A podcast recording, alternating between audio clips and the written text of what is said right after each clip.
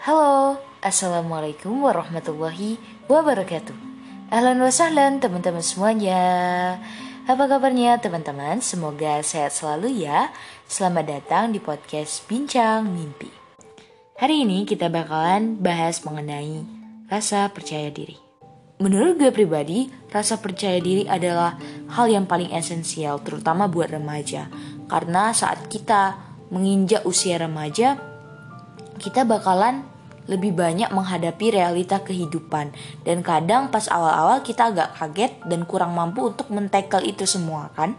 Maka dari itu gue harap podcast ini bisa ngebantu ngebooster biar kita tuh pede. Oke? Okay? let's get started. Percaya diri itu menurut gue adalah hal yang dapat dan mampu kita bangun. Bukan hanya dapat dan mampu tapi harus kita bangun rasa percaya diri itu nggak langsung muncul atau kalau kita percaya diri kita jadi nggak takut terhadap situasi atau nggak punya kekhawatiran kita nggak bisa. Menurut gue pribadi, rasa percaya diri itu sendiri adalah hal yang kita harus ciptakan. Tips and trik dari gue adalah yang pertama, knowing yourself. Tahu diri kita tuh siapa, tahu apa yang pengen kita lakuin dalam kehidupan, mengerti dan paham bahwasannya ya inilah diri kita. Nggak sempurna, nggak flawless, but yeah, here I am, this is me gitu. Dengan seperti itu, itu akan membuat kita memahami dan lebih siap untuk percaya dengan diri kita sendiri. Sehingga nanti impactnya saat kita berhadapan dengan satu situasi yang mengharuskan kita tingkat kepedeannya to over, kita udah start duluan gitu. Yang kedua, mengingat-ingat kembali momen-momen yang bikin kamu tuh yakin bahwa kamu tuh bisa gitu, bahwa kamu tuh incredible. Misalnya nih, ketika teman-teman pengen dipanggil gitu kan, mau giliran presentasi. Nah, pastinya tuh kan kayak deg-degnya itu luar biasa. Nah, dengan mengingat-ingat kembali, oh di presentasi yang lalu gue udah mampu kok, udah bisa kok. Ini yang harus diperbaiki, ini yang harus dibenahi gitu-gitu. Dengan mengingat kembali presentasi yang sebelumnya dan kita mampu melewati presentasi itu, itu juga akan membantu kita lebih percaya akan diri kita untuk menghadapi presentasi yang sebentar lagi akan dimulai ini gitu. Jadi pentingnya memang jam terbang teman-teman ya. Apalagi yang pas pertama-tama itu mungkin kita takut. Tapi bagi yang pertama banget nih ya, yang pemula banget itu percaya aja dengan diri. Ikuti tips yang pertama tadi, percaya aja dengan diri. Tahu dulu diri kita siapa. Nah nanti kalau jam terbangnya udah lumayan memumpuni, udah lumayan banyak, gunakan tips yang kedua ini. Agar kita lebih bisa naik level, bisa upgrade rasa percaya diri itu dan bisa upgrade juga presentasi kita yang akan kita lakukan di kesempatan-kesempatan berikutnya dan di kesempatan yang sedang kita jalani. Seperti itu. Yang ketiga adalah persiapan yang matang. Gak ada hasil yang mengkhianati usaha. Walaupun kadang mereka gak sejalan. Misalnya gini teman-teman. Teman-teman belajar mati-matian biar menang olimpiade kimia gitu. Tapi kodarullah belum dikasih kesempatan untuk menang. Nah, apakah berarti kalau kita udah belajar mati-matian matematika tapi kita belum menang? Itu berarti gak ada gunanya kita belajar sama itu. Gak ada gunanya kerja keras kita.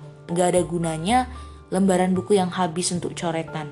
Tentu ada gunanya teman-teman Selain melatih rasa usaha, melatih rasa harap kepada Tuhan, melatih kita untuk berhitung lebih baik, melatih keilmuan kematematikaan kita gitu.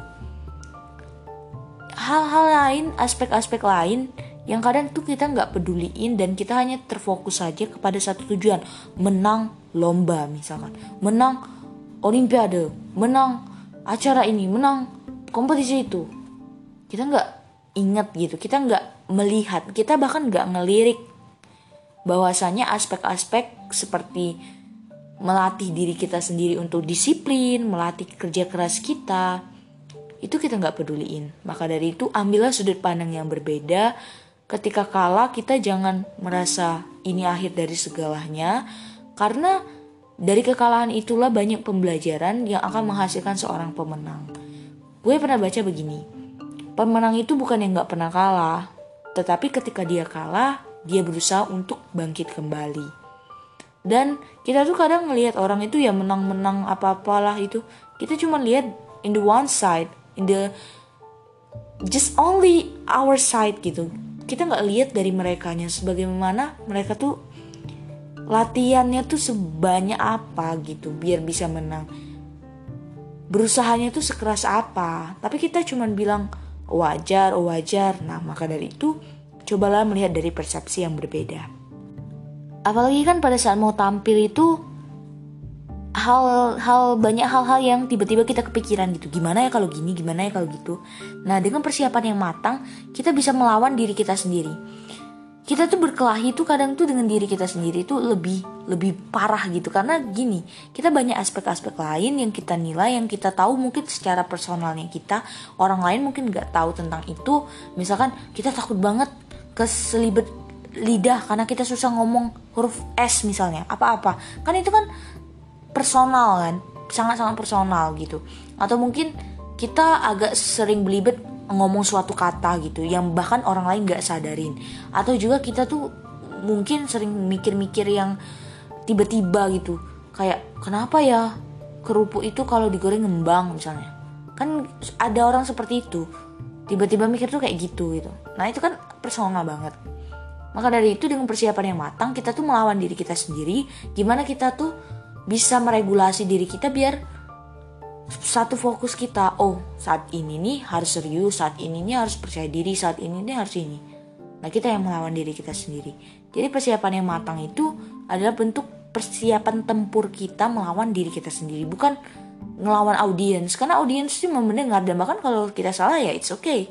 Tapi yang melawan paling harus dilawan tuh ya diri kita sendiri ketakutan kita ke kekhawatiran kita kita nggak bisa mentekel itu semua tapi dengan persiapan yang cukup matang insya Allah pasti Allah tolong. Yang keempat adalah berdoa.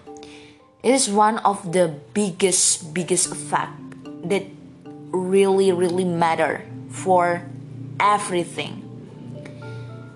Believe me guys. Dunia ini benar-benar penuh dengan ketidakpastian. Ketidakpastian akan respon orang, ketidakpastian akan diri kita sendiri pun.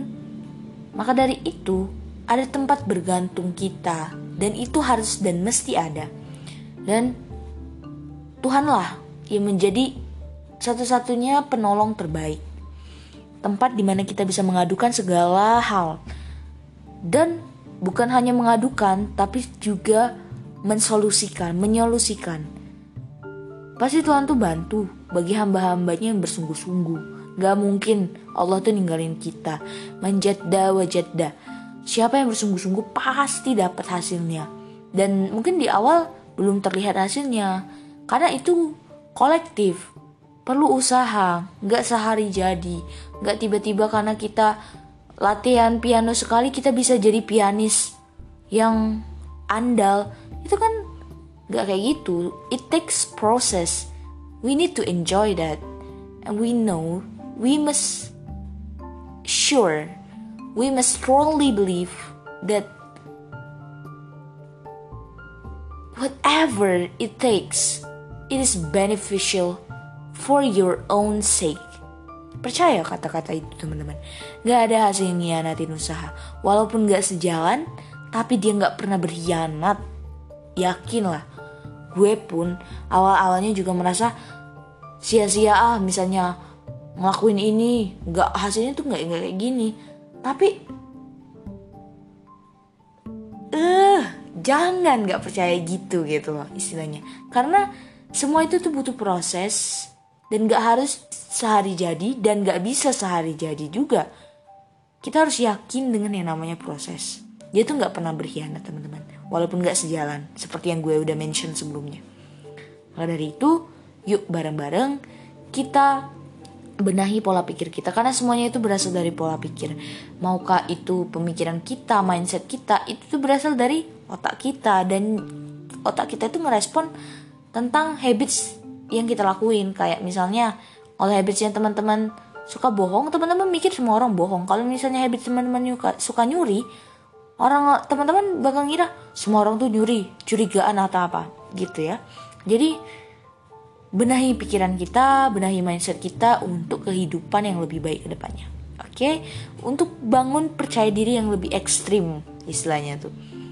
Karena kalau kita pengen percaya diri, kita memang perlu jam terbang, tapi nggak hanya itu.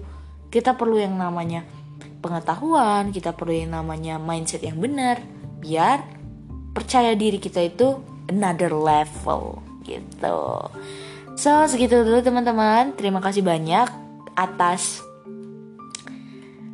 perhatiannya udah mau dengerin celotehan gue pagi ini. Thank you so much. Jangan lupa untuk terus ngikutin episode-episode gue berikutnya ya. See you next time. Bye bye. Assalamualaikum warahmatullahi wabarakatuh. Love you guys. Peace.